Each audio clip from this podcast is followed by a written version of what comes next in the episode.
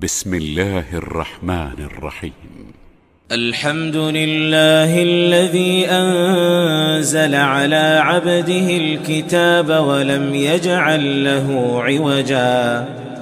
قيما لينذر بأسا شديدا من لدنه ويبشر المؤمنين الذين يعملون الصالحات أن لهم أن لهم أجرا حسنا ماكثين فيه أبدا وينذر الذين قالوا اتخذ الله ولدا ما لهم به من علم ولا لآبائهم كبرت كلمة تخرج من أفواههم إن يقولون إلا كذبا فلعل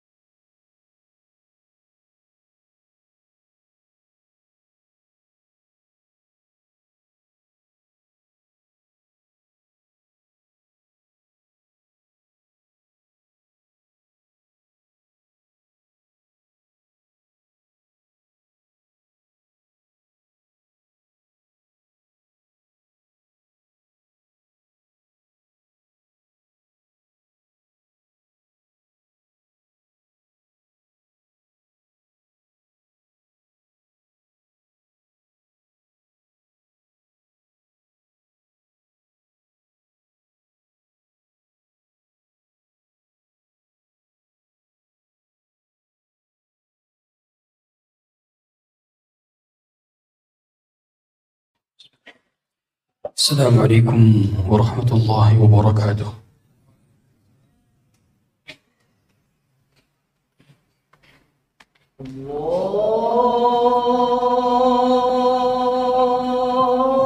الله أكبر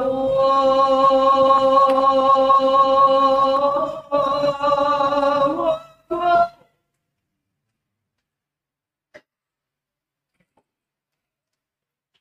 الله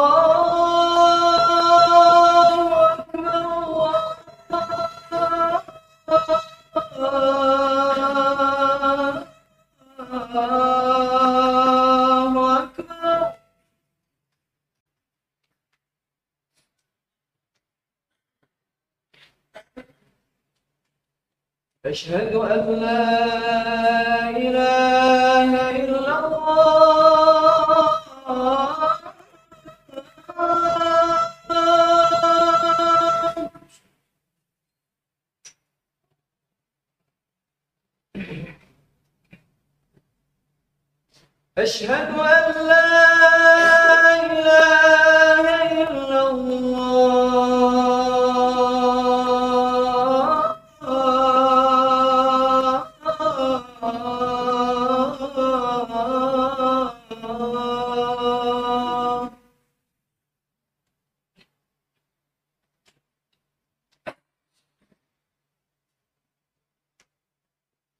أشهد أن محمدا رسول الله.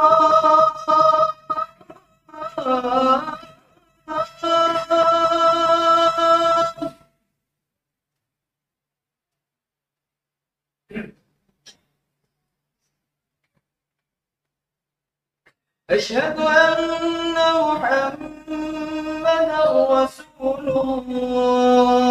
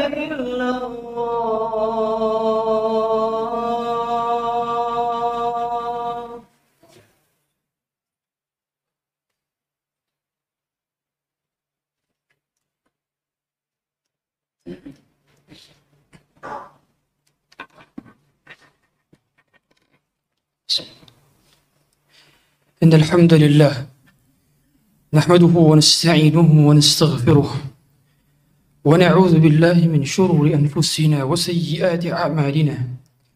من يهده الله فلا مضل له ومن يضلله فلا هادي له. أشهد أن لا إله إلا الله وحده لا شريك له. وأشهد أن محمدا عبده ورسوله. وصفيه من خلقه وخليله. أدى الأمانة. وبلغ الرسالة ونصح للأمة. وكشف الله به الأمة وجاهد في الله حق جهاده حتى أتاه اليقين. وتركنا على محجة بيضاء. ليلها كنهارها. لا يزيغ عنها إلا هالك. اللهم صل وسلم. وزد وبارك وعنئم مكرم ومجد. على عبدك ورسولك محمد. صلى الله عليه وعلى آله وصحبه وسلم. فقال تبارك وتعالى يا أيها الذين آمنوا اتقوا الله حق تقاته ولا تموتن إلا وأنتم مسلمون.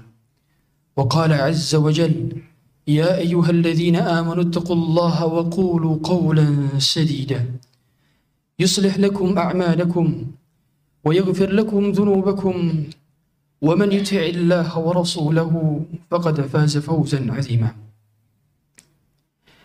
أما بعد فإن أصدق الحديث كتاب الله وخير الهدى هدى محمد صلى الله عليه وسلم وشر الأمور محدثاتها وكل محدثة في الدين بدعة وكل بدعة ضلالة وكل ضلالة في النار. عباد الله أوصيكم ونفسي المذنب بتقوى الله وطاعته لعلكم تفلحون. تقوى إله العالمين فإنها عز وحرز في الدنا والمرجع. فيها غنى الدارين فاستمسك بها والزم تنل ما تشتهي وتدعي. Hadirin sekalian dirahmati Allah Subhanahu wa taala. Berlalunya hari-hari, detik-detik dan menit-menit menjadi tumpukan dan menjadi penghisapan nanti di hari kiamat. Setiap detik kita dan menit kita akan disoal dan diberi pertanggungjawabannya. Untuk apa dilakukan dan untuk apa dihabiskan.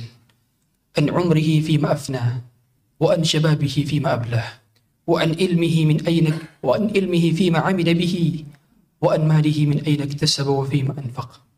Begitu yang akan ditanyakan oleh Allah Subhanahu wa taala nanti di akhirat. Maka hendaknya setiap jiwa memikirkan apa yang menjadi bekal bagi akhir hidupnya kelak. Hidup bukan hanya sekali, tapi hidup dua kali, sekali di dunia dan dua kali di akhirat. Salawat besar salam kita aturkan kepada dia yang belum sempat kita sapa secara langsung. Belum sempat kita peluk jasadnya. Belum sempat kita cium keningnya. Belum sempat kita berjumpa dengannya. Tapi kerinduan memupuk dalam dada sehingga terucaplah salawat dan salam kepadanya terkhusus di hari Jumat. Allahumma salli ala nabiyyina Muhammad wa ala alihi wa sahbihi wa sallam. Hadirin sekalian dirahmati Allah Subhanahu wa taala. Di detik-detik ini, di menit-menit ini, di jam-jam ini, di pekan-pekan ini, di bulan-bulan ini, saudara-saudara kita dan jauh di sana, secara letak geografis jauh dari kita, tapi dalam hati-hati kita dekat, lebih dekat daripada apa yang seharusnya. Ada di antara mereka tergeletak sekujur tubuh tak bergerak. Adiknya, kakaknya mentalkinkan kalimat la ilaha illallah. Mengingat sabda Nabi wasallam, "Laqinu mautakum la ilaha illallah." Dengan tegarnya, tak mengeluarkan air mata. Dia sampaikan, ucapkanlah la ilaha illallah. Ucapkanlah la ilaha illallah. Tegar, kamu harus tegar. Kita akan berjumpa sebentar lagi.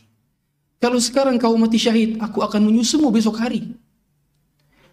Di sisi lain kita melihat pemandangan laki-laki paruh baya berjenggot. Dia meninggikan suaranya di rumah sakit. Berkata kepada orang-orang yang sedang menangis terseduh-seduh, "Untuk apa kalian menangis? Kita semua akan mati besok pagi. Kita akan mati besok hari. Kulluna syahid. Semua di antara kita akan mati syahid. Kalau hari ini kalian yang meninggal, besoklah kita yang menyusulnya. Untuk apa kalian menangis?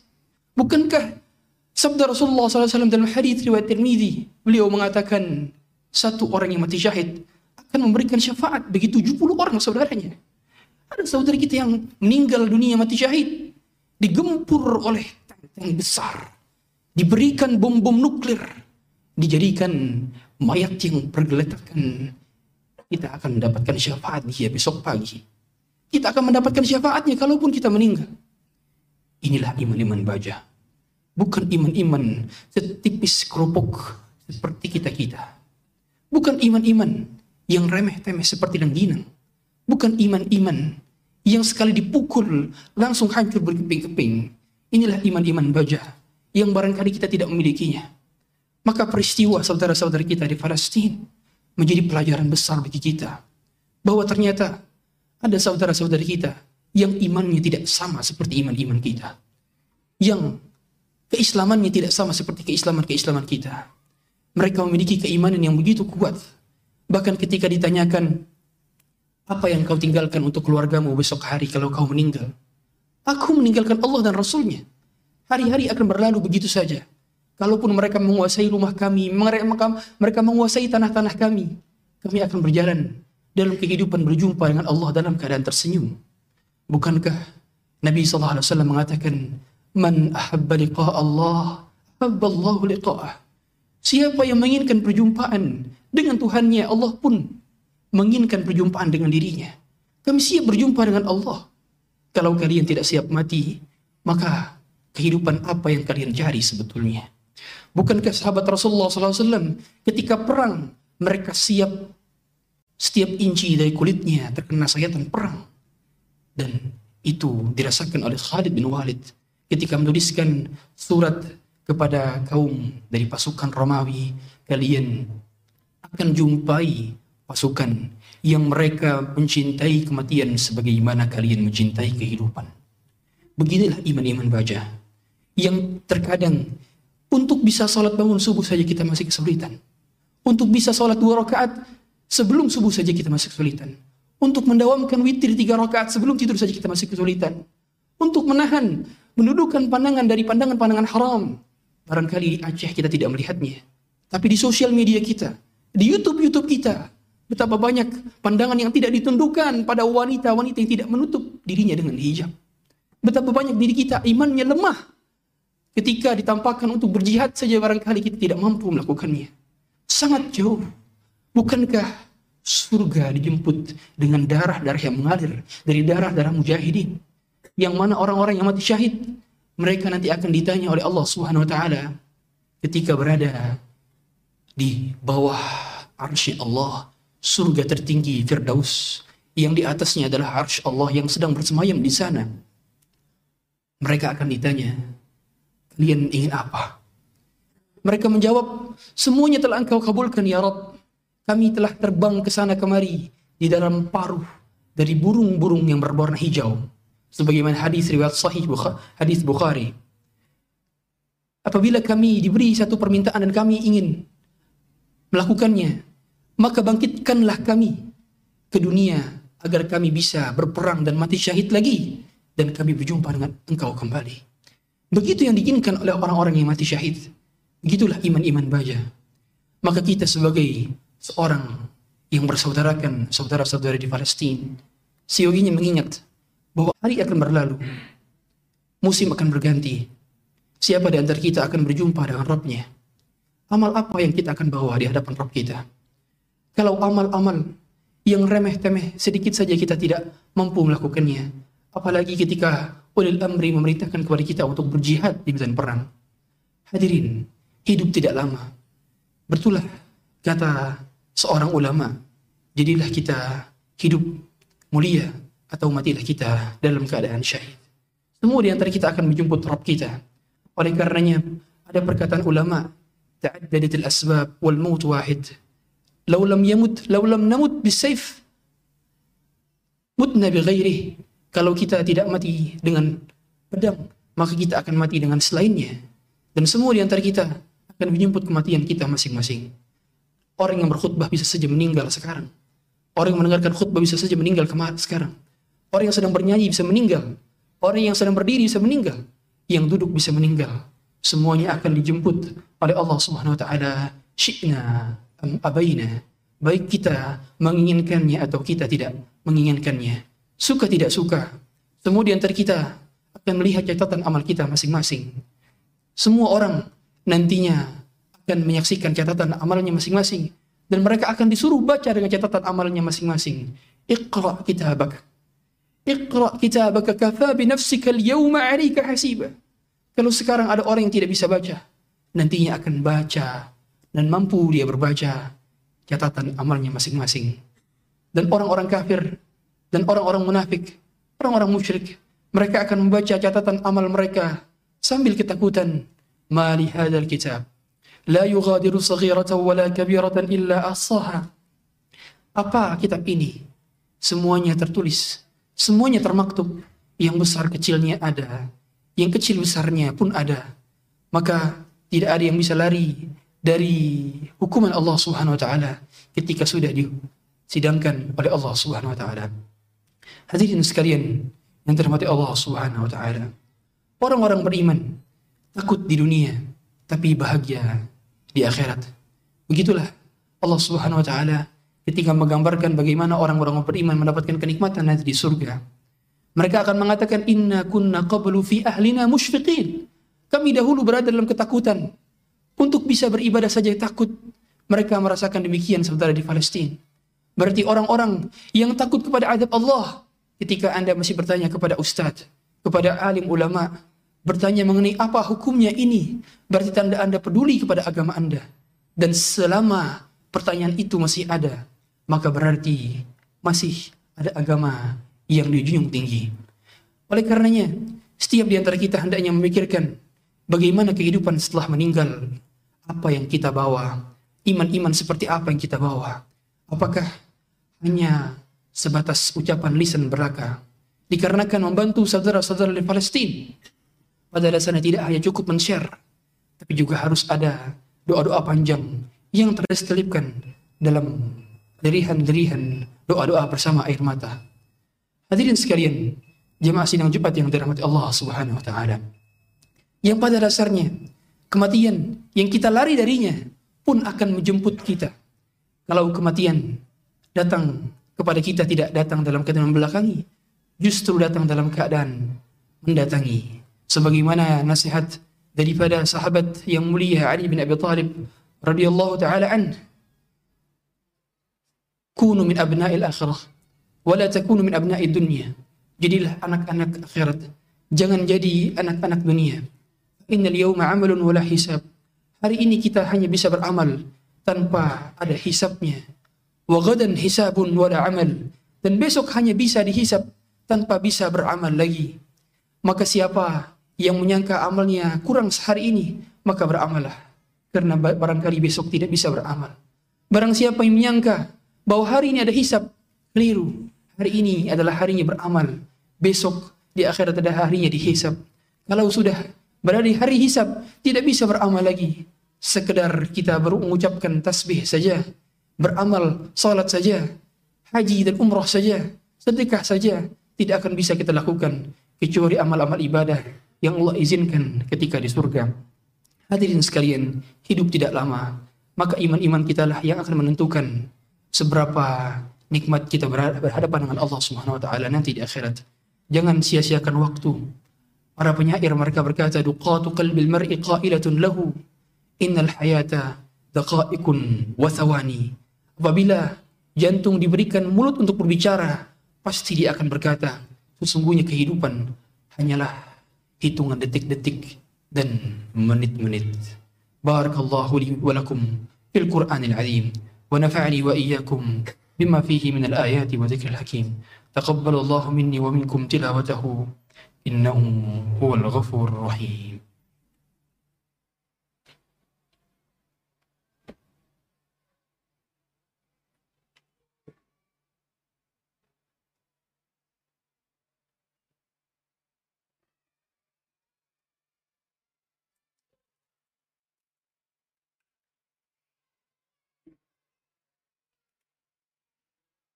الحمد لله. الحمد لله الخالق الوجود من العدم وجاء لنور من الظلم ومخرج الصبر من الأنم فنشكره على المصائب كما نشكره على النعم. ونصلي ونسلم على رسول الأكرم ذي شرف الأشم ونور الأتم وكمال نبينا والخاتم سيد ولد آدم الذي بشر به عيسى بن مريم ودع بعثته إبراهيم عليه السلام حين كان يرفع قائد بيت الله المحرم. صلى الله على نبي الأمي وعلى آله وصحبه وسلم. فقال تبارك وتعالى يا أيها الذين آمنوا اتقوا الله حق تقاته ولا تموتن إلا وأنتم مسلمون. وقال عز من قائل والعصر. إن الإنسان لفي خسر. إلى الذين آمنوا وعملوا الصالحات وتواصوا بالحق وتواصوا بالصبر. عباد الله أوصيكم ونفسي المذنب بتقوى الله وطاعته لعلكم تفلحون. وقال تبارك وتعالى إن الله وملائكته يصلون على النبي. يا أيها الذين آمنوا صلوا عليه وسلموا تسليما. اللهم صل على نبينا محمد وعلى آله وصحبه وسلم. اللهم اغفر للمسلمين والمسلمات والمؤمنين والمؤمنات الأحياء منهم والأموات. إنك سميع قريب مجيب دعوات ويا قاضي الحاجات. اللهم لا تدع لنا ذنبا إلا غفرته. ولا هما إلا فرجته ولا دينا إلا قضيته ولا مريضا إلا شفيته ولا حاجة من هوائج دنيا هي لك رضا ولا فيها صلاة إلا قضيتها ويسرتها. اللهم أعز الإسلام والمسلمين وأذل الشرك والمشركين ودمر أعداءك أعداء الدين وانصر عبادنا وانصر عبادك المخلصين. اللهم انصر إخواننا المسلمين في فلسطين. اللهم انصر إخواننا المسلمين في غزة. اللهم عليك باليهود الصهيونيين الملعونين. اللهم عليك بهم. اللهم انصر إخواننا المسلمين في كل مكان. اللهم حرر المسجد الأقصى إلى رحاب المسلمين. اللهم حرر المسجد الأقصى إلى رحاب المسلمين. ربنا آتنا في الدنيا حسنة وفي الآخرة حسنة وقنا عذاب النار. عباد الله إن الله يأمر بالعدل والإحسان وإيتاء ذي القربى وينهى عن الفحشاء والمنكر والبغي يعظكم لعلكم تذكرون فاذكروا الله العظيم يذكركم واشكروه على نعمه يزدكم ولذكر الله أكبر. قوموا إلى صلاتكم.